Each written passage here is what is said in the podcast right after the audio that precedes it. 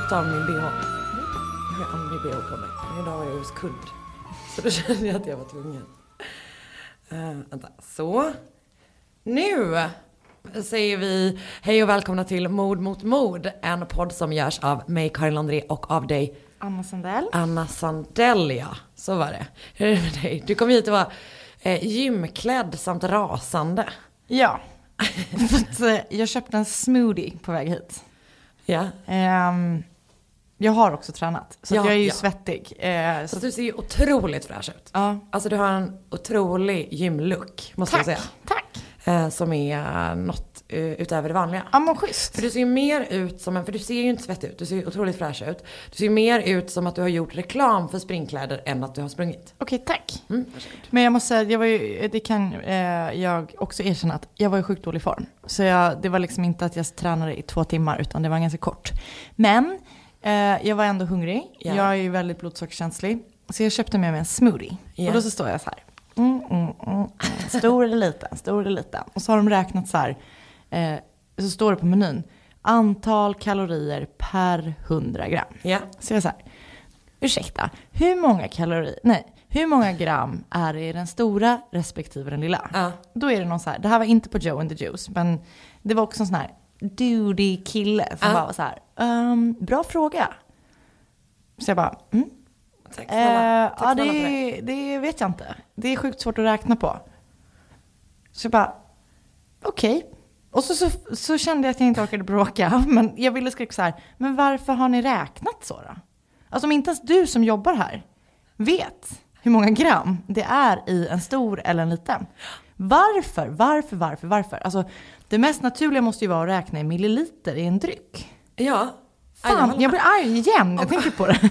Men också att jag kan känna så här, det är ju egentligen bara att väga en. Ja, exakt. Så har Väg den ungefärligt. Ja, alltså, För att grejen är så här att han visste ju bara inte, det är ju någon, någon vet ju det. Han Ja. visste inte. Men istället då, för att han är en dude, istället då för att säga, eh, jag vet faktiskt tyvärr inte det. så bara, det är svårt att räkna på. Bara, det, Det är för att du aldrig har tänkt det är för efter. att du inte kan matte. och, så folk, och så tänker folk typ inte på att ifrågasätta. Men jag tycker det är idiotiskt att ha så. Men vänta, hade de liksom kalorier på menyn på Ja. väggen?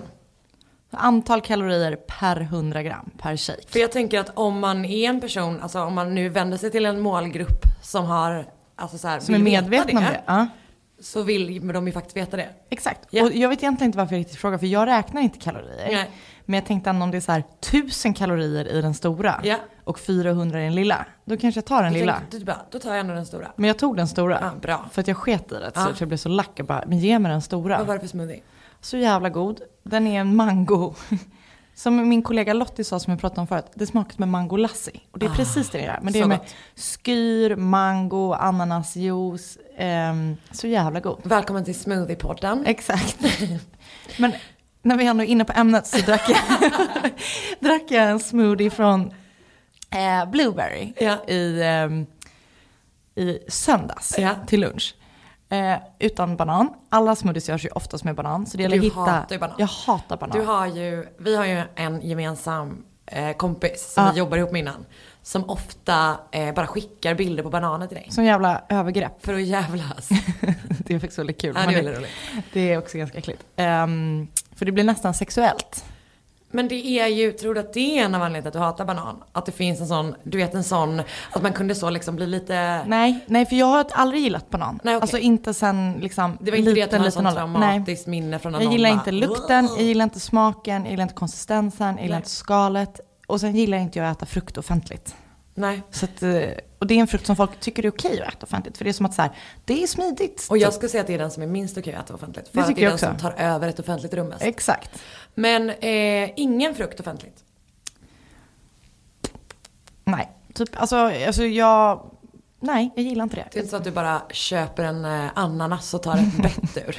Men jag tycker typ att det blir så grisigt, typ så här, om man äter ett päron så rinner det typ på handen. Ja, Du gillar inte gegna. Nej, jag Nej. gillar att kunna skära upp frukten och äta från en tallrik med en servett typ. Och det är ju därför du är den civiliserade i den här duon. Exakt. Men alltså, jag vet ju att det här är... Jag, Jag tuggar ju mig igenom. Du tar hela kärnhuset. Ja. Det är det jag tycker är läskigt också att folk gör. Att de Äter bara, typ pinnen. "Ah, jag skiter, jag slänger den här lilla stroppen bara. Allt annat smälts i magen. Men jag inser att det är jag som har Det är jag som är avvikande Du är verkligen, När vi jobbade på Nöjesguiden så blev jag retad för att jag hade fruktstund. För att jag åt frukt så. jag tycker det var gulligt. Eh, men eh, du är verkligen vår tids slash fruktens Magdalena Ribbing. Du, kan någon- Fruktens kanske. Fruktens. Eh, kan någon så, finns det några frukttidningar? Du borde ha någon Ja. slags sån etikett. Det är precis, en krönika en gång i månaden. Ja men, en- men jag tänker att folk kan ställa frågor Ah, okej, till dig ja. om fruktetikett. Gärna. Ibland kanske du ger tips på hur man liksom bäst häller upp, eller så skär upp saker. Det är jag ju väldigt bra på också. Ja. Melon. Stjärna på det. Just det. Oj, det gav du mig häromdagen. Ja men du fick inte min klassiska melon i fruktsallad eh. Nej okej. För den är, också, den är också fin. Nej nu fick ju du en liten eh, klyfta så. Men som var i ätbar size. För det tycker jag också är äckligt när man får Just en det. hel melon. Och så får man melon på hela ansiktet för att man äter en sån stor skiva. Ja, att man kommer ut och så upptäcker man att man har melon i öronen så Exakt. Mm. Ja, ja men bra. Kort om det. Och för alla er som eh, eh, nu då är här för mord. är här för morden. Så Vi kommer dit nu. Fuck you guys. Det här är vårt nya, vårt nya sätt Mm. att agera. Verkligen. Ehm, nej, nej, kul, kul att vi inte. pratar mord. nej, jag skojar bara. Vi kommer också prata om mord. Mm. Eh, och jag ehm, har fått en story om ett Ja. svenskt mord skickat till mig på Instagram. Ehm, för man kan ju göra det. Eller man kan eh, önska fall som vi ska ta upp. Eller man kan så här, någonting. Någon, är du släkt med en mördare? Vi vill veta det, eller hur? Ja. Ehm, så att jag fick från eh, Johanna heter hon. Mm. Okej. Eh, efter ert senaste avsnitt där ni läste upp en lyssnarberättelse så blev jag sugen på att berätta om ett mord som hände i min hemstad. Det här är då inte alls vårt senaste avsnitt. Men skitsamma. Det var det då. Ja. Eh, tyvärr inte ett speciellt historiskt fall, men ändå sjukt spännande. Ja. TV3 gjorde en serie för ett tag sedan som heter Mordet där de tog upp detta fall. Men förutom det har jag inte hört någon annan prata om det slash ta upp det. Vilket är sjukt konstigt då det är ett helt sjukt fall. Det hände den 30 mars 2005 i Sätra, ett samhälle i Gävle. När Tommy, då 20 år, låg och sov. Men han väcks av att hans sambo Anna, 18 år, så ung, skrek, skrek från köket. Han springer upp och möts av en främmande man. Som sitter och knivhugger Men Anna. gud. Mannen springer därif- eh, fort därifrån och Tommy lämnas kvar över sin döende sambo. Han ringer såklart polisen och polisen kommer dit. Han berättar vad som hänt och polisen bara, eh, visst, han blir häktad för Mm, mordet. såklart. Eh, liksom, jag förstår att en pojkvän som står blodig över sin döda flickväns kropp och bara Det var en främling men han sprang ut, inte ett sådär superbra scenario. Men han satt liksom häktad i flera månader. Trots att blodfläckar på blod- blodplatsen som inte var Tommys hittades. Efter cirka två månader släpps han från häktet på grund av brist på vi- bevis. Men han är fortfarande den främsta misstänkta de hade. Han satt även häktad under Annas begravning. Nej. Förstår du vad sjukt att inte få gå på sin sambos begravning? Speciellt eftersom mördaren fick det. Här har underbara Johanna skrivit så här. Dum dum. Bra. Dramatisk musik. Eh, ja, mördaren fucking var på hennes begravning medan pojkvännen satt häktad. Den 31 oktober samma år mördas en annan kvinna. Camilla, 34 år, i Skjutskär, Skjutskär, en bit från Gävle. Mordet var likt det på Anna och inte nog med det. Det visade sig att Anna och Camilla var fostersyskon. Va? Då grep, griper polisen deras fosterbror, Lennart, 29 år. Och det visar sig att bortsett från mördare och allmänt eh, psykiskt sjuk eh, så är han även eh, kannibal. Vad fan. Eh, och jag typ läste på lite grann om det här och det är så här det verkar vara en otroligt, otroligt sjuk man som har begått det här, det här liksom, de här morden. Eh, och ja, det verkar absolut finnas så här, kannibala tendenser. Men är det inte så jävla sjukt bara att han så här, han var på hennes begravning. Det är ju lite grann som vi pratade om i förra veckans fall, du vet att han var så här, han eh, kidnapparen var på så här minnesstunder Ja, för ja, hans ja. egna fall. Det, liksom. ja. Även om det förstås är en annan grej för att det var liksom hans Ja, nej. Mm. hans syster. Och typ att det var så här, eh, jag läste att, han bara, att han grät liksom. Mm. På, på begravningen och allting. Och jag har aldrig hört talas Inte om jag det. heller. Eh, så himla himla intressant. Och Verkligen. jätte jättesorgligt. Jättehemskt. Och att en pojkvän sitter häktad. Och man fattar ju verkligen det. Alltså man hade ju garanterat trott att det var han. Gud ja. Mm. Alltså 120 20 procent. Eh, och jag, så här, man får som sagt, man får jättegärna skicka in sånt här. Eh, vi kanske typ ska säga det att vi har så valt att inte göra för nya svenska fall. För att vi tycker typ att det kan bli lite känsligt med, med så här, men med närstående som kanske typ råkar trilla över en podcast om något, alltså så. Det känns typ inte helt bra. Så vi är superintresserade av svenska fall men de får gärna vara lite äldre. Eh, och även eh, alla andra, alla andra länder. Allt. Allting. Vi vill höra allting. Världen. Eh, vi är intresserade av världen, eh, av samhället. Eh, så att- International crime. International, eh, intergalaxy national som det heter. Allting egentligen. Eh, så skicka allting till oss. På Instagram. Där du heter att Sandellanna och jag heter att Karin Lundgren.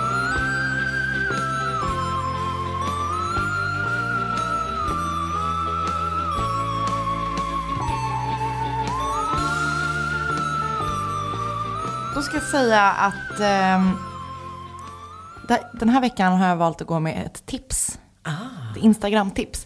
Jag började ju med, eh, jag, sa, jag sa det till dig, att jag blev tipsad av min styvmamma när jag var där och åt frukost eh, i söndags. Så mm, berättade hon hur hon mindes. Och jag, jag känner att någon annan har tipsat om den här boken som fanns förr.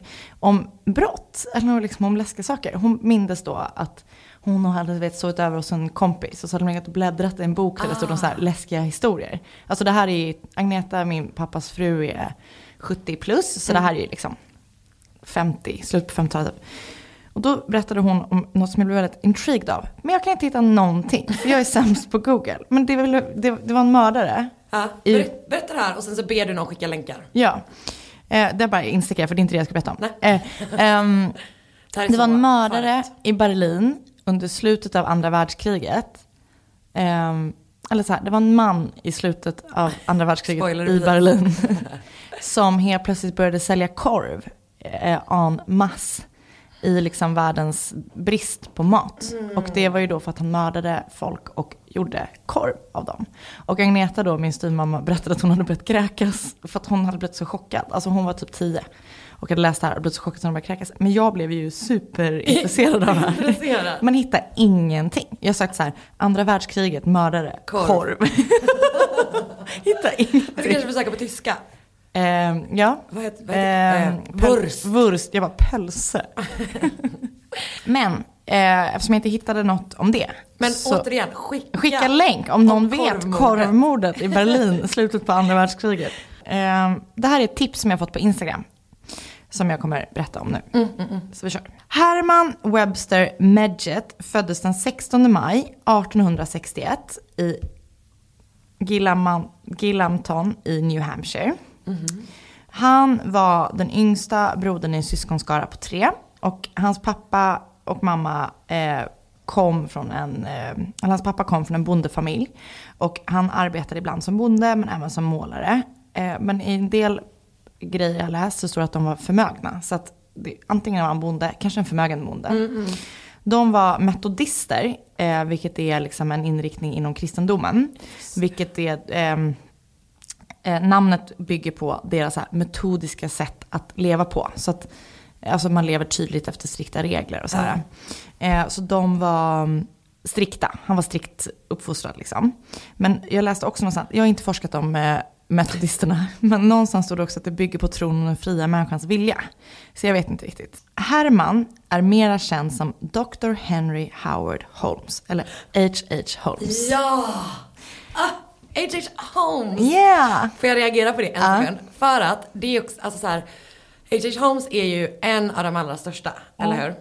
Eh, och jag har liksom så här, eh, du vet det är ett sånt namn som man alltid haft med sig och jag har aldrig typ kollat upp det Nej. ordentligt. Så jag har haft det på min sån så bara, måste kolla upp H.H. Holmes. Mm. Det hade kunnat bli skoj att göra någon gång.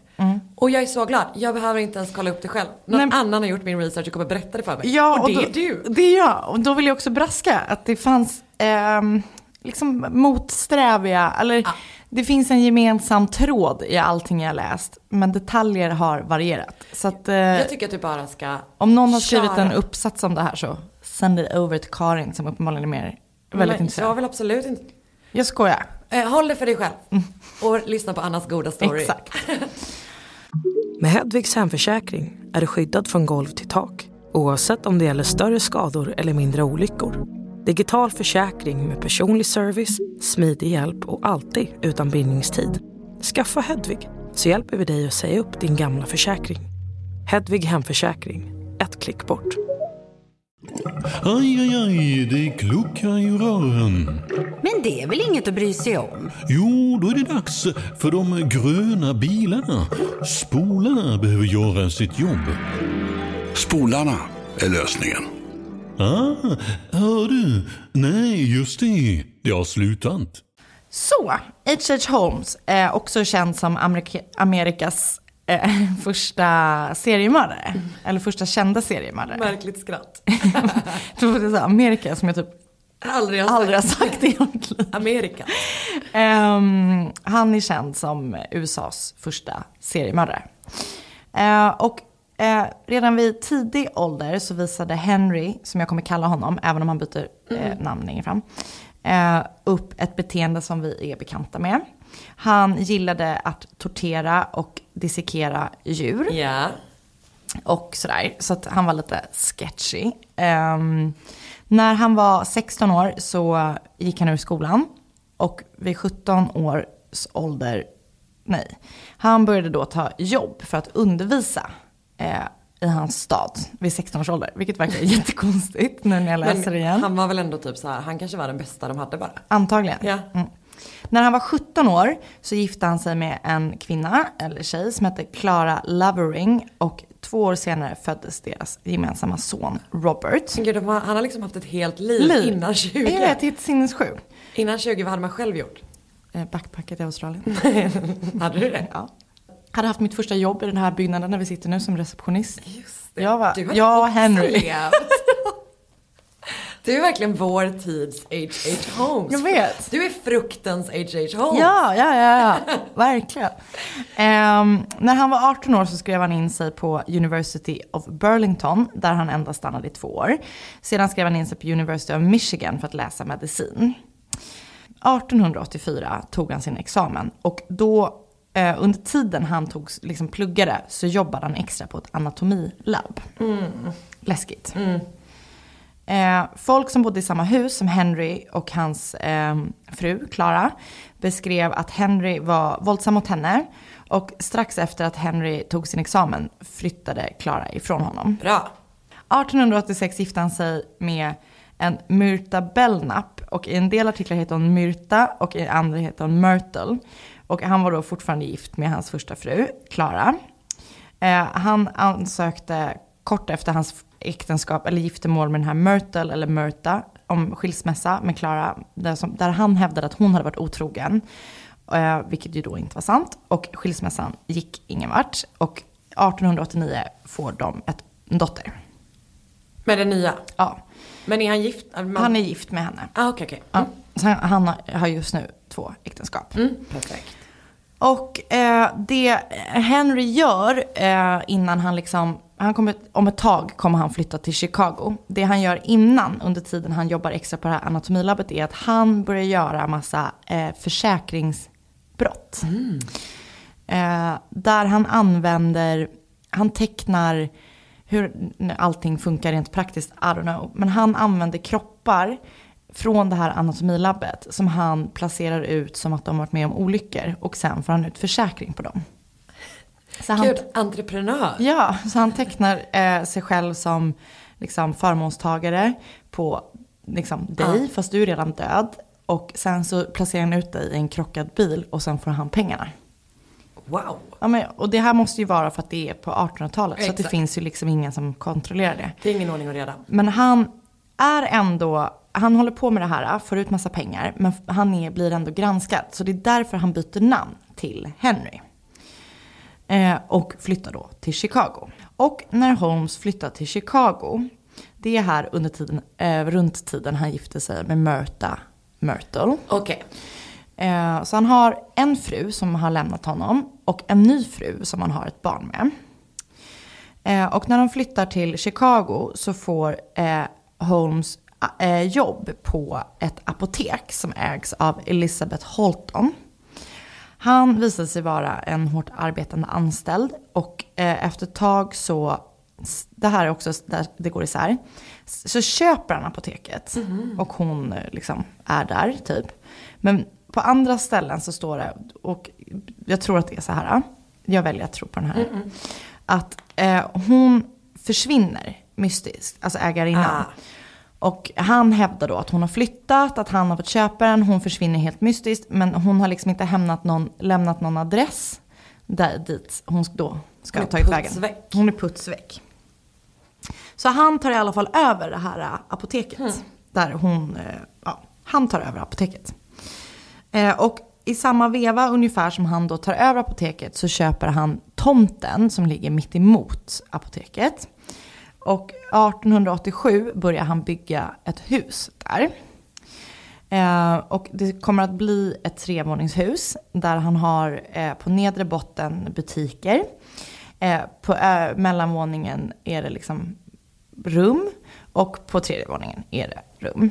Ehm, och under tiden det här huset byggs så är han bråkig. Han typ betalar inga leverantörer och inga arkitekter. Så han håller på att sparka och byta och så här, sparka och byta. Och man tror att det är för att han inte vill att någon ska ha övergripande blick om hur huset ser ut. Så att du anställs för att leverera den här dörren och den där dörren och den dörren.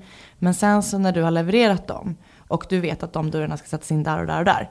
Då sparkar jag dig och så tar jag in någon annan. Just så att det. man får bara veta bits and pieces om huset. Huset var då eh, jättespeciellt eh, och det hade liksom eh, hemliga trappor och trappor som inte ledde någonstans och hemliga rum och rum utan fönster. Eh, och han sa även till investerarna att han skulle använda det här eh, som ett hotell under en världsutställning som skulle vara i Chicago. Eh, det, det är oklart om det hände.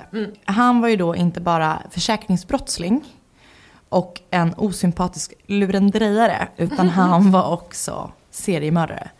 Dum, dum, dum, dum. Eh, Holmes ska ha varit både stilig och charmig och lyckades... Han framstod som en sympatisk, härlig person, Ah. vilket han ju då inte var. Eh, och jag, jag har skrivit som en anteckning till mig själv att det är ju bra att vara det om man vill lura till sig folk. För att dem så det, var det en sån liten reminder? Verkligen? Mm, var bra. charmig.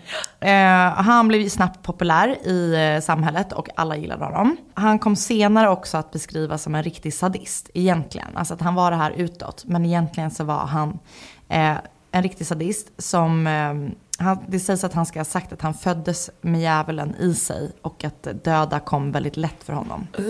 Och det Holmes gjorde var att han använde sitt hus som för att kalla till sig sina offer. Eller för att hitta offer. Så att en del checkade in på det här hotellet men sågs aldrig igen. Eh, många av hans eh, kvinnliga offer, för de flesta av hans offer var kvinnor, ska ha lockats dit eh, och, genom annonser om arbete. Typ, Karin kom och jobba hos oss och sådär. Jag kommer. Eh, och när han eh, hade liksom anställningsintervju med dem så uppmuntrades de att packa alla sina saker, ta ut alla pengar eh, och hålla platsen där de hade fått jobb hemlig. Eh, för att liksom, eh, De bara, det här låter som rimliga Verkligen. förutsättningar. men det han sa var att han hade massa konkurrenter som skulle kunna Aha. använda informationen Absolut. för att lura honom. Alla hans kon- hotellkonkurrenter. Exakt. Ja. Eh, men när de slut kom fram då till Holmes eh, och han hade garanterat att ehm, jag tänker på Sherlock Holmes, det blir problematiskt för mig. Eftersom, Ehm, du, eftersom du också identifierar dig väldigt mycket med Sherlock Holmes. ja, det blir lite problematiskt för mig. Ehm, när de till slut kom fram till hans eh, hus, så när han hade garanterat att de inte hade läckt liksom, var de var och sådär, så spärrade han in dem som fångar i hans då Castle of Horror, som det kommer att kallas. Eh, han satte även in annonser eh, där han letade efter en fru. Eh, och även de här ansökande fick samma uppmaning som de som sökte jobb. Att de skulle hålla allt hemligt. Eh, men det verkar som att han behandlade de här lite olika. För när de väl kom till honom så blev de först torterade. För att berätta vad de hade sina värdesaker. Det här kanske var så med de förra också. Men, Ja. Och efter de hade berättat då vad de hade alla sina pengar och smycken och vad det nu kan ha varit. Så behöll han dem ändå som eh, eh, sina fångar. Mm. Eh, och Holmes var ju då eh, gift med två personer just nu. Men han hade också en älskarinna som hette Julia. Och Julia var gift med en person som jobbade hos Holmes i hans apotek.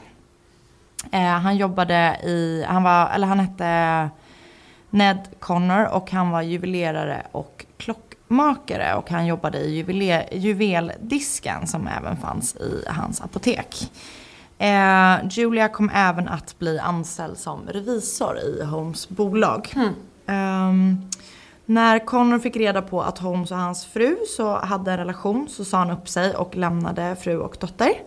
Och det sägs att eh, hon var med på hans bedrägerier, alltså på Holmes bedrägerier liksom under tiden som, han, eh, som hon jobbade där.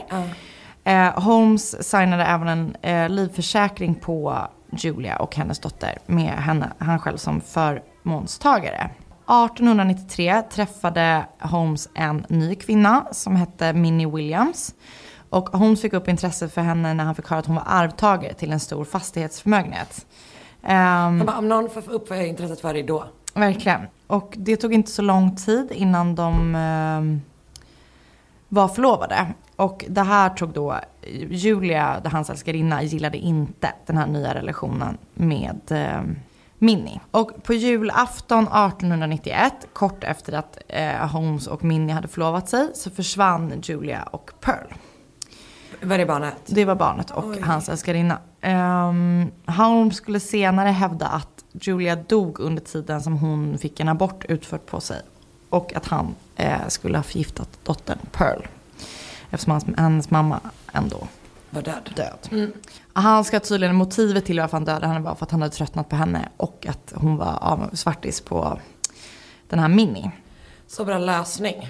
Exakt. Man bara, eller Eh, så gör man slut.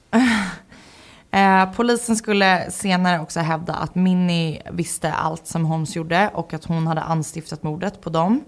Ehm, och hon skulle även ha eh, anstiftat mordet på en Emily van Tassel som var en 17-årig tjej som bodde och jobbade hos honom men som också mystiskt försvann under, efter bara en månad. Minnie ska även ha uppmuntrat honom att döda en ung vacker kvinna vid namn Emmeline Kigrand eh, som kom till Holmes eh, med löfte om jobb men som aldrig fick lämna. Som ingen, av hans, eh, ingen fick ju lämna hans eh, fångenskap liksom. Holmes skulle senare berätta att han hade låst in henne där i ett ljudisolerat rum och våldtagit henne. Eh, men att han dödade henne sen för att Minnie inte uppskattade att han suktade efter en annan kvinna. Eh, Alla i den här historien är helt tokiga. Ja, verkligen. Och, och precis, alla är verkligen galna. Är ju, men han är ju eh, manipulativ så, här, så Ja. vet man ju att folk får med sig. Eh, andra läskiga saker som han gjorde var att han höll en man vid namn Robert Phelps fången. Och eh, vid Phelps använde han ett stretch-experiment för att döda honom. För att han var nyfiken på hur mycket kroppen liksom klarade av. Eh, och hur mycket den kunde stretchas innan den gick sönder. Skitäckligt. 1893 så fick Minnie alla sina eh, fastigheter. Då ärvde hon dem för att eh, hennes bror dog i en gruvolycka och att hennes syster dog. Och det, ska, det sägs, och jag vet inte om det är bevisat, men eh, att Holmes arrangerade den gruvolyckan där bron dog i. Och att Minnie själv ska ha råkat döda sin syster. Men att Holmes ska ha hjälpt henne med att så här, röja upp och droppat kroppen i Lake Michigan. Mm. Så det lämnade då Minnie som den enda arvtagaren till eh, alla de här fastigheterna. Men ett kort tag senare så träffade Minnie och Holmes en ung kvinna som hette Georgiana Joke. Och hon arbetade i det här horror, Castle of Horror hos Holmes. Och eh, hon trodde att Holmes och Minnie var kusiner. Eh, Georgiana och Holmes gifte sig 1894. Eh, och de alla tre åkte sedan för att kollekta Minnies pengar. Ja, jättekonstigt. I Texas. Eh, där de också passade på att göra en swindle, alltså typ en bluffaktion. Eh, som hade med hästar att göra. Det var jättekomplicerat, jag läste det. Men som de tjänade jättemycket pengar på. Eh, och efter det så åkte de till Chicago igen och det var sista gången som eh, Minnie sågs i livet. Och man hittade aldrig hennes kropp. Oj, Gud, han byter verkligen ut dem Ja, i jättemånga olika fruar. Och i juli 1890, eh, 1894 så arresterades han för första gången. Eh, men då inte för mord utan för eh, bedräger, några liksom bedrägerier som han hade begått. Då betalade hans fru, nuvarande fru, Georgiana borgen. Men under tiden som han var fängslad eh, så passade han på att göra en plan med en inmate inne i fängelset. Där Holmes planerade att han skulle teckna en livförsäkring på en person, fejka den personens död och sen så ska de få ut pengar. Eh, så att han behöver namnet på en advokat som den här inmaten då kan ge honom. Eh, liksom, och i utbyte ska han få pengar. Men eh, försäkringsbolaget gick inte på det här. Och det här är liksom en del av hur det kommer börja unravel Just vad som det. händer. Eh, för att när försäkringsbolaget inte går på det här så händer det en liksom, massa olika grejer. Och en del försäkringsbrott, hela hans, den kommer upp till ytan. Och en detektiv som heter Geyer börjar sakta upptäcka liksom allt sjukt han har gjort. Eh, han gick igenom alla lögner och alla olika identiteter som han har haft. För han har, dels heter han ju H.H. Holmes men han heter egentligen någonting annat. Men han har också du vet låtsats vara andra personer i andra städer och sådär. Men eh, än så länge hade den här Geyer ingen aning om alla offer, eller alla mordoffer. Utan han tror bara att det är Mm, eh, försäkringsturer liksom. Men efter många om och men så går de in och undersöker Holmes hus i Chicago. Och polisen la flera veckor på att gå igenom huset. För att det var, eh, de behövde göra en ritning på det. För att den andra våningen var eh, som en labyrint. Så att det var liksom, det, jag har nu glömt bort siffrorna, men det är typ 56 rum. Eller 56 dörrar men bara 31 rum. Och en del dörrar leder bara in i typ en vägg och så här. Helt sjukt när man ser eh, ritningen på hur det ser ut. Eh, för allting är bara liksom en lurendrejerivåning. Åh gud. Så de håller på, det är så här, eh, ja, men dörrar som leder till tegelväggar som jag sa, gömda trappor, gömda dörrar. Valv som liksom bara var så stora nog för en person att stå upprätt i. Ett rum ska tydligen fungera som en gaskammare. Och flera av rummen var utrustade med som ett eh, schakt typ. Så att när de hade liksom, som, man bara, som ledde ner i källaren. Så det var som, bara, som en sopnedkast så typ. Nej men fy fan. Ehm, ja, och i källaren där hade han eh, en chamber of horror. Eh, där polisen hittade hans dissekeringsbord där han har så här skurit upp folk. Eh, och hans labb med då olika tortyrredskap, bland annat den här stretchbänken. Eh, och olika sorters gift. Eh, de hittade även ett krematorium där de hittade både aska och brända benbitar. Och i askan så hittade de allt från så här klockor, knappar, smycken, alltså inte några liksom saker som tydde på vilka ehm, ja, som tydde på vilka offren var. Så han åkte dit så det skrällde om det. Och han åkte till slut fast för, eller han skulle senare erkänna 28 mord. Även om man tror att det faktiska antalet är högre. För att han har ju åkt runt typ hela USA och haft massa olika... ehm, Exakt en sån börjar ju inte. Eller du vet, så här, det och det är lite otydligt för det var någonstans det stod att den här Julia var hans första offer. Men ibland så står det också att han har lurat två pojkar och han har varit på massa olika ställen och så. Ehm, så att man är lite osäker. Och jag fattar inte hur han har så här, haft fyra fruar och allt det där. Men eh, han har ju lyckats med det. Och ett tag efter att Holmes åkte fast så brann hela huset ner. Och ryktet säger att det var en medhjälpare till Holmes som satte igång elden för att gömma spåren efter hans egna inblandning. Och eh, 1895 inleddes rättegången mot Holmes och den pågick bara i sex dagar. Men den kom att bli eh, en av de mest liksom, sensationella uppmärksammade och, rättegångarna. Och tidningarna rapporterade både om liksom, skräckslottet men också om så här, grejer som han ställde till, senare han ställde till med under rättegången. För han grät och så här, bröt ihop och du vet, massa sådana grejer. Men han, juryn tog bara två och en halv timme för att överlägga innan de dömde honom eh, skyldig. Och eh, han blev dömd till döden. Han dog. Han blev schemalagd att dö eh, den 7 maj 1896. Och efter att han hade dött så spreds det legender som var förknippade med hans eh, avrättning. Och den mest eh, ihållande legenden var den om The Holmes Curse. Och den menade att hans själ då inte vilade i frid utan att den fortsatte att göra hemskheter från andra sidan. En, för ett kort tag efter att Holmes begravdes i en kista fylld med cement som han själv hade önskat om att han skulle göra. Jättekonstigt. Då är man ett rejäl, rejält freak. Verkligen. Eh, och eh, bara en kort tid efter det så skedde den första mystiska döden. Och det var Dr. William K. Matten som var obducent och ett av huvudvittnena i rättegång mot Holmes. Han bara föll ner död från ingenstans. Eh, som sen visade sig vara följd av en blodförgiftning. Ah. Och sedan följde ett dödsfall, eh, ett gäng dödsfall på människor som var kopplade till både Holmes och hans rättegång och hans brott. Jävlar vad rädda Ja, de ska vara. så sjukt. Ah. Eh, och det finns här teorier som sen förmodligen inte visar sig sanna. Att han även ska ha varit Jack the Ripper. Just det. Och sådär. Så att han, eh, han liksom är Han är överallt. överallt. Ah, ah jävlar. Som sagt, det var, fanns eh, så jättemycket att läsa. Mm. Ehm, Men det är alltså just det där med huset. Det alltså så- tänk dig att man är så här. Om man lyckas fly. Tänk dig om någon lyckades fly från sitt rum eller vart han hade dem. Eh, om någon lyckas fly. och så kommer de ingen vart. Nej exakt, att de bara går och rycker i dörrar och du vet man, man bara möter en sån vägg eller du vet det går bara rakt ner. Och de sa i en, ehm, jag kollade på så en kort dokumentär igår, så här, 10 facts about H.H. Holmes. bra.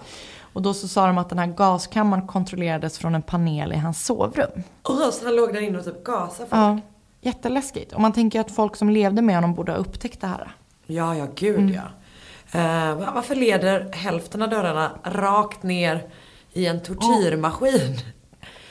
Nej, nej, man måste ju veta. Mm. Men han, sagt, det är ju som du säger, han var säkert svinmanipulativ och Ja. fick med folk på hans sjuka, sjuka Ja. idéer.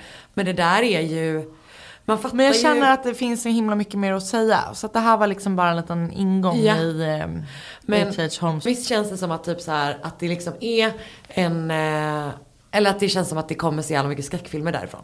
Alltså ja, ja, verkligen. Alltså du vet om just det här när man springer runt och bara Mm. försöker komma ut och det är en tortyrkammare och så här. Verkligen. Men det känns så, men 1890 är ju, det är ju aslänge sedan. Mm. Men det är ju ändå någon slags modern tid, tänker jag. Att det är, ehm, för det måste ju ha funnits massa seriemördare innan. Men att Ja, det här ändå ja. blev liksom så här lite sofistikerat. Ja. Och att han var liksom, åkte runt på så här försäkrings... Eh, Och att det var det som, alltså som Mm. fick honom liksom. jag skulle vilja veta lite mer, inser jag nu när jag har berättat om det igen, om den där äh, fängelsegrejen. Ja.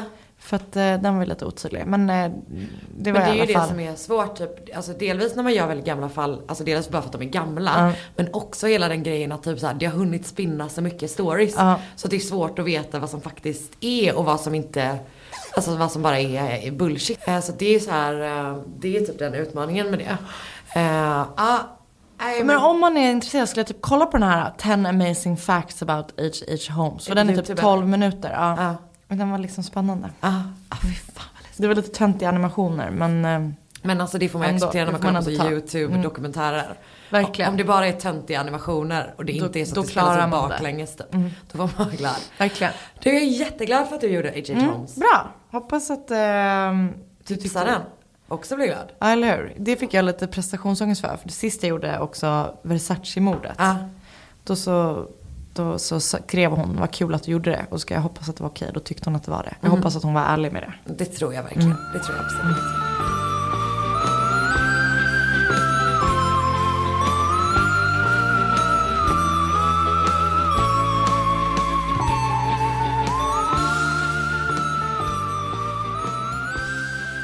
Okej, den 15 augusti 82, 1982, det måste man ju klargöra nu när du har varit inne på 1800-talet. Tydligt, tydligt. Ja. Eh, så mördas de två tonåringarna Marilyn Green och Jerry Hillard i Washington Park i Chicago. Mhm. Chicago. Samma stad.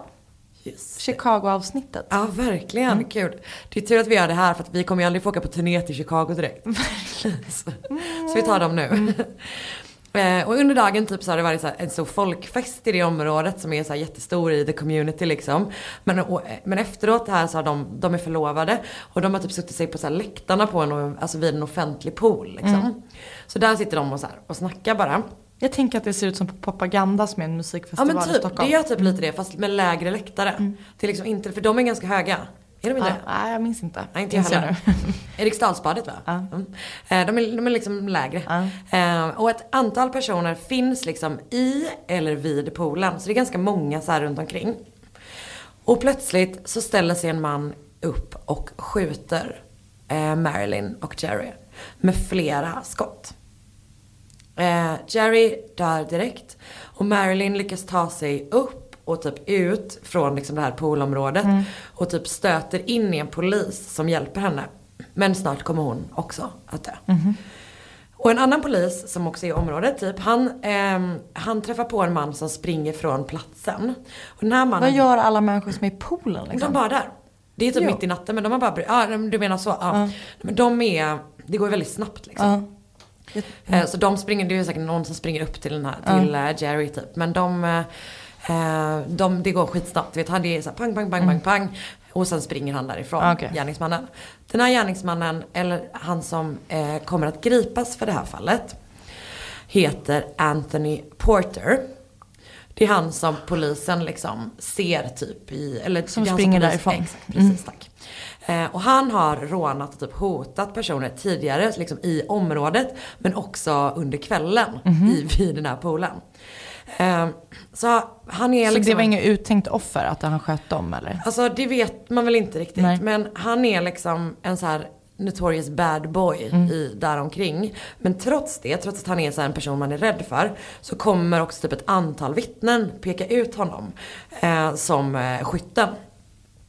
Och en av de här vittnena som är vid poolen som sagt säger ju också då bara ja det är han och eh, tidigare den här kvällen så försökte han råna mig med en pistol. Men gud att ingen har eh, sagt till polisen innan.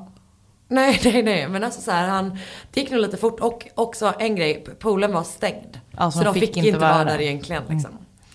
Men Eh, gud, hade jag brutit mig in på ett bad och någon hade hotat mig med en pistol, då, Då hade hade jag ringt polisen. Ja, men jag tror att de var lite rädda för honom med. Du vet så.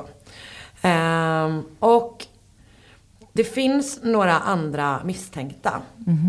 Ehm, bland annat så berättar Marilyn Greens mamma för polisen att hon har hört att morden begicks på grund av någon slags så här, knarkaffär.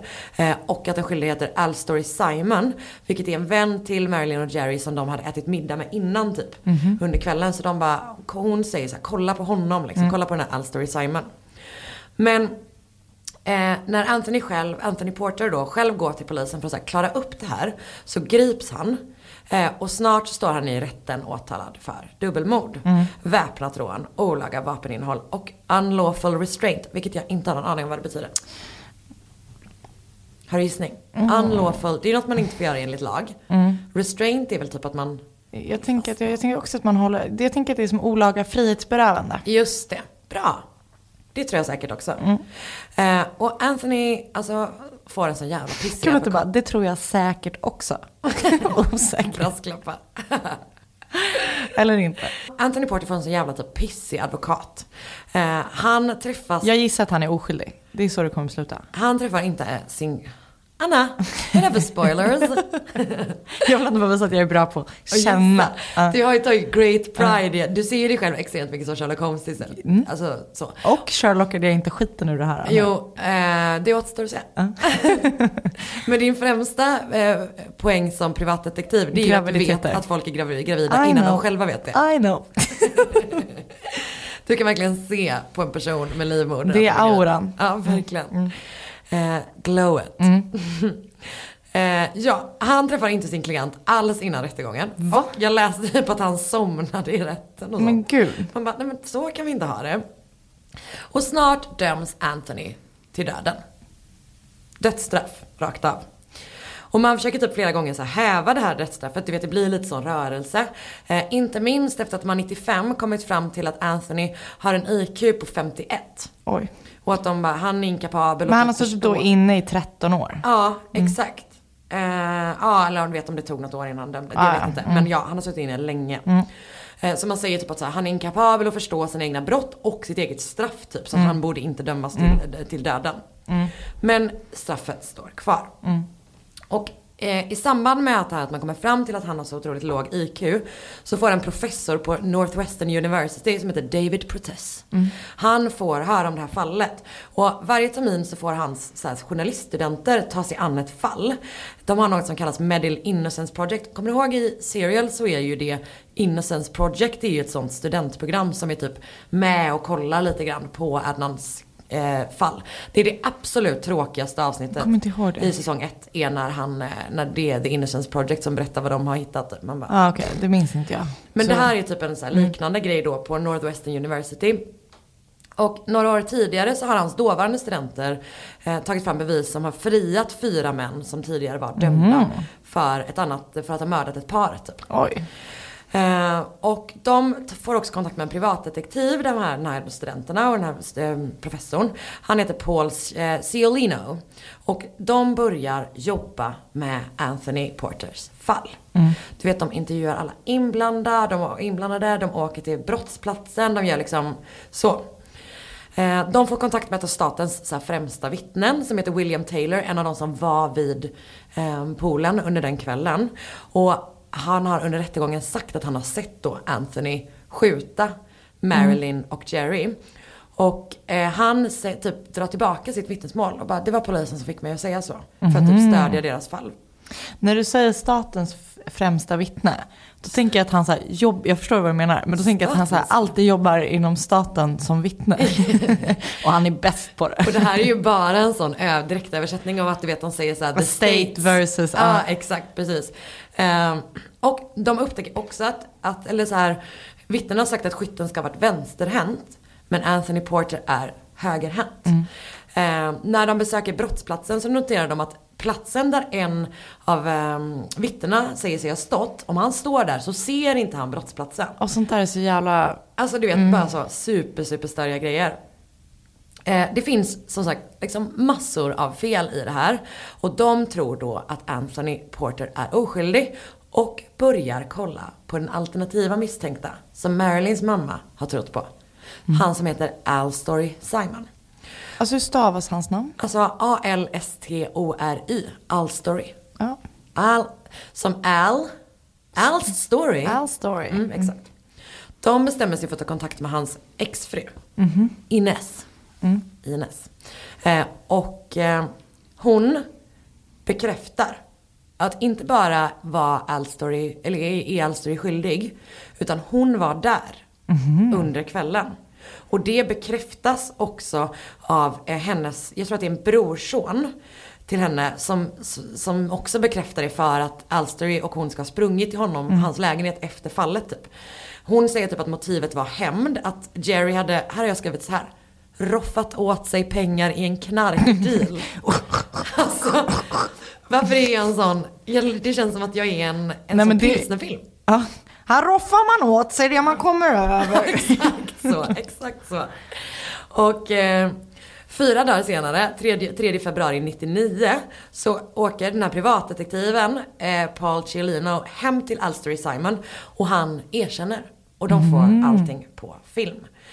Eh, så att de har liksom hennes vittnesmål på film, hennes brorsons vittnesmål på film och även hans erkännande nu då. Och nu har de ju då samlat så jävla mycket information. Men det är så sjukt bråttom. För att Anthony Porter sitter ju på death row. Alltså vet du vilken film jag tänker på hela tiden? Nej. Den med Kevin Spacey. Jag kommer inte ihåg vad den heter, men han är dödsdömd Ja. för någonting som han är skyldig. Hävdas vara skyldig för. The Life of David Gale. Alltså så? den är så jävla bra. den har jag inte sett. Va? Nej. Oh my god, du måste se den. Tror du att den här är baserad på det här? Alltså, den är inte helt samma. Nej, nej. Men, ehm, Ska jag köra på? ja förlåt. Det är jag var jättelugnt. tvungen att säga det. Ja, ja men bra.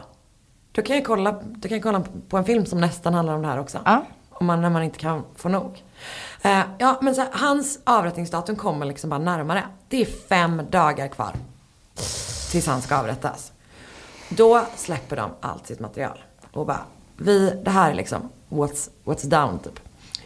Inklusive hans egna erkännande då. Polisen tar del av det och inleder en egen utredning. Men samtidigt så du vet, dagen när han ska dö kommer bara närmare och närmare. Han ska dö av eh, injektion. Och han har liksom suttit inne i 17 år. Jävlar. Och nu... Hur gammal var han vid mordtillfället? Oj, jättebra fråga. Vänta, jag kan kolla. Men han var också ganska ung kan man tänka sig. Ehm, ja, jo men exakt. Det, det tror jag absolut att han var. Han, eller han var kanske typ så här 30 tror jag. Ja, Ja. Så se- sena 20, tidiga 30. Han eh, fyller i vad han vill ha som sista måltid. Han blir mätt för sin kista. Liksom. Nej men gud. Japp. Vilket också är så sjukt. Gör man det? Tydligen. Alltså tydligen Jag tror att du är en smål. Ja, men exakt. Jag tänker typ att man borde kunna uppskatta att staten har typ tre storlekar. Verkligen. Han är ganska liten, så han, han hade fått en small tror jag. Du vet vad jag tänker på nu? Men jag vill jättegärna veta. Kommer du ihåg den där läsken när det var någon som hade en anakonda hemma som bröt sig ut och sen mätte upp, eh, eller en boaorm eller någon sån här orm. Som mätte upp sig längs eh, sin ägares kropp. Eller de bara ringer bara till, typ, till djurupplysningen och bara min orm beter sig konstigt. Den de typ bara- ligger helt raklång. De bara hjälp, den håller på att mäta dig om den kan, äta, dig. dig. Ja. Ja, det är fan starkt. Ehm, men så 48 timmar innan han ska avrättas Mm. så släpps Anthony Porter fri. Jävlar. Polisen bara du är fri! Alltså verkligen så här, det går först, först har det inte hänt någonting och sen så bara pang. Fan är det revenge då? Alltså det finns där bilder du vet när han bara springer ut och kramar den här professorn och typ sånt. Eh, och det här gör ju typ att hela typ samhället får så här panik på dödsstraff. Du vet att folk bara, vi kan inte hålla på med dödsstraff. Vi, har precis, vi kom precis 48 timmar från att mörda en oskyldig man liksom. Stora protester, den här David Protest är ute och så här uttalar sig. Hans studenter är ute och uttalar sig. Eh, och du vet man pratar förstås om hur, typ, så här, hur rättssystemet hanterar, eller behandlar svarta. Som ju är fortfarande en super super eh, viktig fråga Var i han svart? Ja exakt. Ja. Ja och det var även Marilyn Green och eh, Jerry Hillard. Ehm, och du vet det är så här, han är överlycklig. Det är någon sån intervju när han kommer ut ur fängelset. Han bara, jag ska åka hem till min mamma och äta steak and fries. Gud, alltså vad skulle man göra sin första dag utanför finkan på 17 år? Mm. Jag skulle gå till Squeezed Up och köpa mig en smoothie. Hur många kalorier? Det är säkert tusen. 100 000 hade borde ätit. Eh, vad hade jag gjort? Eh, jag, massage. Ja, fy fan vad skönt. Rakt in på spa. Ja. Pamper me, please. Pamper me all over, hade jag sagt. Och sen hade jag, fast, fast det, man har dåligt med pengar, skitsamma. Det får, det får staten. Staten får fan ta. Statens främsta vittne får ta det ut. Eh, och i september 99 så är då Alstory Simon i rätten. Eh, och där gör han en deal. Han pleads guilty. Vilket jag har, vad, hur säger man det på svenska? Kan någon som vet någonting om Verkligen. rättssystemet berätta Ja, det? För det här är ett verkligen. ständigt problem med Mm, plead, ja. Ja, exakt. Plead guilty. Gör man det i Sverige? Jag vill veta. Berätta någon. Tack snälla. Jag kan inte forska på det. Jag försöker. Jag, jag kan forska hos, eh, Hos din kille? Hos min kille som faktiskt är i- Ja! Men gud, vi måste verkligen använda hans kunskaper mer. Eh, och han, ja, men, he, he, he pleads guilty till två fall av second degree murder. Eh, Vad och- betyder det då? Ja men det är väl att det inte var meningen då. Ja, ja, ja. Så, och han gör ju en sån plea deal liksom. Och då döms han till 37 och ett halvt års fängelse. Och du vet under rättegången så gråter han och ber Marilyns mamma om ursäkt. Och du vet säger så här, ja, han säger typ jag menade aldrig att skada henne. Jag förstod inte ens alltså, att jag råkade skjuta henne. Du vet mycket så. eh, så att så här, det är en ganska glad story. Men det finns ett problem. Ah, okej. Alstory Simon, superoskyldig. Anthony Porter, nog jävla skyldig. Va? Japp. I took you for a ride. I alla fall om man får tro dokumentären A Murder in the Park. Som jag har sett, som är väldigt bra, som jag kan rekommendera. Ehm, ja, för sex år senare, efter att han har dömts, 2005 är vi på nu, så erkänner Alsterys exfru Ines på sin dödsbädd, hon har cancer liksom, eh, att hon har hittat på alltihop för att hämnas på honom. Va? Japp. Även hennes brorson drar tillbaka sin historia. För, och de berättar båda två att de har blivit lovade pengar vid, av bok och filmrättigheter om fallet av den här privatdetektiven Nej. Ciolino och därigenom professor David Potess. Nej. Eh, Så de har också blivit lovade att de ska försöka befria, alltså om de gör det här ska de, de liksom försöka be- befria Ines son Walter, Walter Jackson som sitter inne för mord tillsammans med Anthony Porter. Så det finns en connection där liksom. Och samtidigt som det här händer så drar då också Alster Simon tillbaka sitt erkännande. Och det som hände den kvällen när Ciolino kom hem till honom var att Eh, men han, Giolino och någon annan snubbe, som jag inte minns vem det var, eh, kom till honom efter att han hade typ så här, han var liksom en drogmissbrukare. Han bara, jag hade tillbringat en hel kväll med att typ ta kokain. Rätt körd i huvudet Ja. liksom. Eh, och de kommer dit utklädda till poliser. De har med sig pistol. Och de visar ett klipp där ett vittne, air quotes, eh, påstår då att Alstory har gjort det här. Att han bara, de bara, kolla här, vi har det här klippet på ett vittne som säger att du har gjort det här. Vittnet skulle senare visa sig vara en skådis. Men gud. De lovar också honom pengar vid så bok och filmkontrakt. Och ehm, till slut, alltså som sagt han är helt körd i huvudet. Du vet de kommer dit, de typ har pistol med sig, hotar honom lite grann. Alltså det är så här, han är, men sagt han är, han mår inte bra Nej. liksom. Och till slut så skriver de ner vad han eh, skulle säga. Och erkänner liksom. Gud. Så han, de, man kan typ se, om man, det är för jag har sett filmklippen på när han erkänner, att du vet att man ser typ att han sitter och så här kollar ner på någonting och att han inte är helt hundra liksom. Fan vad sjukt. För de lovar också, innan han erkänner så lovar de honom, de bara, vi ska fixa den bästa advokaten i stan till dig.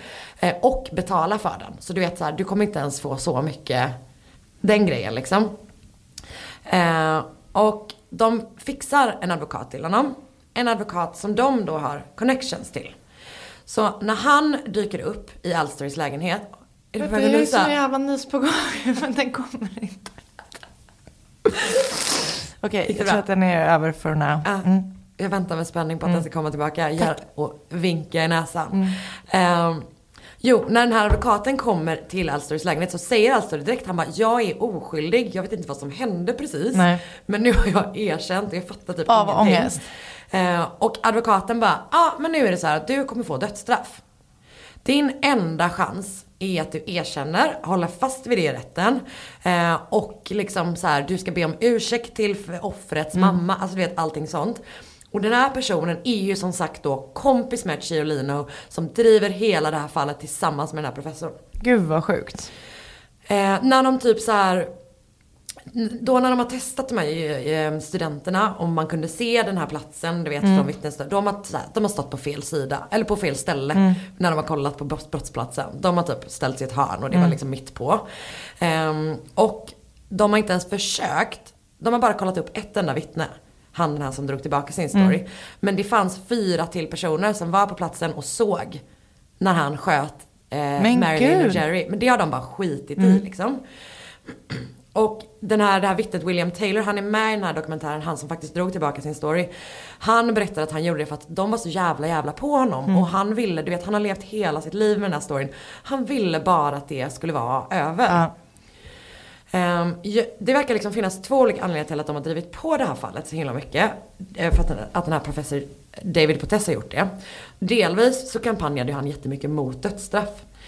Och var, att vara så nära och typ mörda någon som är helt oskyldig skulle så här förstås så här skapa ganska mycket uppmärksamhet till den kampen. Och mycket riktigt efter att Anthony Porter släpps så pausar man först alla avrättningar. Och 2011 ehm, så tar man bort dödsstraffet i hela Illinois. Och det är ju grymt. Ja. Det är ju svinbra liksom. Men lite hemskt uh, sätt. Exakt. Och jag tror ju i ärlighetens namn, nu gissar jag, känner inte den här personen, han är inte här för att försvara sig. Jag tror att han gjorde för uppmärksamheten. Han hade haft ett sånt fall innan när hans studenter, du vet, fick... Friade. Ja, Mm, exakt. Och blivit fucking hög på den grejen. Säkert. Ehm, att han, Fan vad vidrigt. Ja jag vet, det är så jävla jävla hemskt. Och han har ju typ inte erkänt sin inblandning i det här som Ciolino anklagas för att ha gjort och bla bla bla. bla. Men jag tror att det är så här, Säkert. att det är den grejen. Så nu är liksom en skyldig man fri och en oskyldig sitter i fängelse. Perfekt. Eh, men också 2011, så alltså eh, då samma år som dödsstraffet försvinner. 12 år efter att Alstory har suttit i 12 år nu. Sex år efter att de som anklagade honom dragit tillbaka alla sina vittnesmål och allting. Då stängs David Potess av från sitt jobb på Northwestern University. Eftersom att det, kommer, det har liksom kommit fram en hel del shady grejer som han har hållit på med i ett annat fall. Alltid. Ja, han kan inte låta fucking bli. Och det får en hel del uppmärksamhet det här fallet för att det finns ganska mycket poliser som så här står supermycket fast vid att det var Anthony Porter som mördade Marilyn Green och Jerry Hillard. Så 2013 meddelar State Attorney Anita Alvarez att hon tänker, tänker dra igång utredningen igen. Ah, Okej. Och att man ska här, gå igenom allting en gång till. Hon har typ tidigare haft med den här David Potess att, gö- Potess att göra. Och hon är inte helt såld på honom Nej. kan man säga. Ehm, och när hon är klar med den här utredningen ett år senare så säger hon att det, professorn och hans elever har använt sig av alarming tactics under sitt utredningsarbete. Och att hela utredningen av Alstery och rättegången gick helt fel. Det är typ någon så här någon grej jag inte riktigt förstod som är typ att så här, de tar in först en jury som får höra alla vittnesmål, det vill säga även de som vittnade för staten första omgången. Men sen så tar man om rättegången med en ny jury. Och då är det bara, då är, då får inte, då är inte de, de första okej. vittnena med typ. Det, De får aldrig höra dem, de får bara höra Ines och de här som berättar att det är Alstery som har gjort det. Jag förstod det inte riktigt. Nej, jag fattar. Så här, amerikanskt rättssystem. I don't know. Det Någonting om enkelt. Mm, en grand jury. I don't know. Så efter att den här utredningen har gjorts i oktober 2014 så lägger man ner alltså hela grejen mot Alstery. Mm. Och han släpps. Så han har suttit in i 15 år. Jävlar. Alltså det är så jävla jävla långa perioder som de här personerna sitter inne liksom. Men de kunde inte visa då att eh, den första var skyldig? Alltså det här är då grejen. Att eh, Anthony Porter stämmer staten för hur de har behandlat honom och typ så här, går på några specifika poliser och du vet massa sådana grejer. Men han får inga pengar för att statens advokater driver caset att så här, nej men det är ju du som har gjort det. Och rätten går på den linjen. Men du vet det är den här double jeopardy grejen. Du kan inte åtalas för Nej. samma mord två gånger liksom. Vilket är en sån här bra grej. Men, men det är så, också då kan så vi ta fram. H.H. Holmes plantera ett, en eh, död kropp någonstans. Just det, så att man kan... Men fan, det ska Ja, nej, det är luren jag tror att det är dumt. Det är lurendrej. Men också en annan, en annan större grej. Det är att Alstory Simon får inte någonting som kallas för ett certificate of innocence när han släpps. Eh, eftersom staten menar att han själv var så delaktig i sin felaktiga dom. För att han erkände, han bad om ursäkt, du vet allt det där liksom. Alstory Simon, gud jag har sagt det namnet så många gånger, att det liksom är, känns som en ramsa i mitt huvud, en besvärjelse. Han stämmer Northwestern University, han Mhm. stämmer Professor Potess, han stämmer sin advokat, han som var kopplad till Mm. Ja, dem. Och han stämmer Ciolino. Och den senaste nyheten jag läst om alla de här rättsfallen är från eh, 4 januari i år. Aha. Så det håller liksom Jävlar, fortfarande vad på. sjukt. Och Ciolino typ stämmer tillbaka. Alltså det är så här totalt Gud vad spännande. Så det var då eh, morden på Marilyn Green och Jerry Hillard och kaoset Verkligen. som följde efteråt. Fan. Vad sjukt. Känner du dig tömd nu? Jag känner mig tömd, men jag vill verkligen eh, ändå prata om den här filmen. Du måste se den, för Ja. att jag vill veta vad du tycker. För att just det här med eh, dödsstraff är ju så jävla sjukt. Men, och väldigt läskigt, ehm, det där med falska er- erkännanden. Ja. Alltså fan, utnyttja inte liksom. barn, eh, folk med lågt IQ, folk med Drogproblem. drogproblem. Nej. Så här, ta inte den enkla vägen. Det är så jävla, man bara så här, det är sån jävla schackspel Ah, med ja, ja. folks liv. Och du är så jävla manipulativ och bara så här, krossa någons liv för din egen vinning. Mm. Nej. Och men sagt den här dokumentären heter då eh, Murder in the Park. Och den kan jag verkligen rekommendera. Jag läste någonstans, en av de som har gjort det har jobbat med som advokat för Elstory Simon. Så man kan ha det i bakhuvudet. Men det är så här, det, det här kommer låta så fittigt typ. För att de var bara studenter. Men de här studenterna är så jävla jävla full of themselves. Alltså du vet när de står och bara mm, mm, mm. Ja. Eh, och det, är så här, det hade jag också varit om jag trodde att det var korrekt typ. Eh, men det är något som är så jävla jävla irriterande med det. Men just den grejen när man bara, och redan, alltså det, i trailern för de bara I'm innocent man, walking free, finally after bla bla bla. Except it was all a lie. så stark. Verkligen, Men den det är är ju starkt. Den var faktiskt bra. Tack, ja. det var väldigt spännande. Ja men tack. Tack själv du. Tack. För denna underbara stund. Kul det var. Ja. Mord hörni, vilken grej. Vilken grej. Med Hedvigs hemförsäkring är du skyddad från golv till tak oavsett om det gäller större skador eller mindre olyckor. Digital försäkring med personlig service, smidig hjälp och alltid utan bindningstid. Skaffa Hedvig så hjälper vi dig att säga upp din gamla försäkring. Hedvig hemförsäkring, ett klick bort.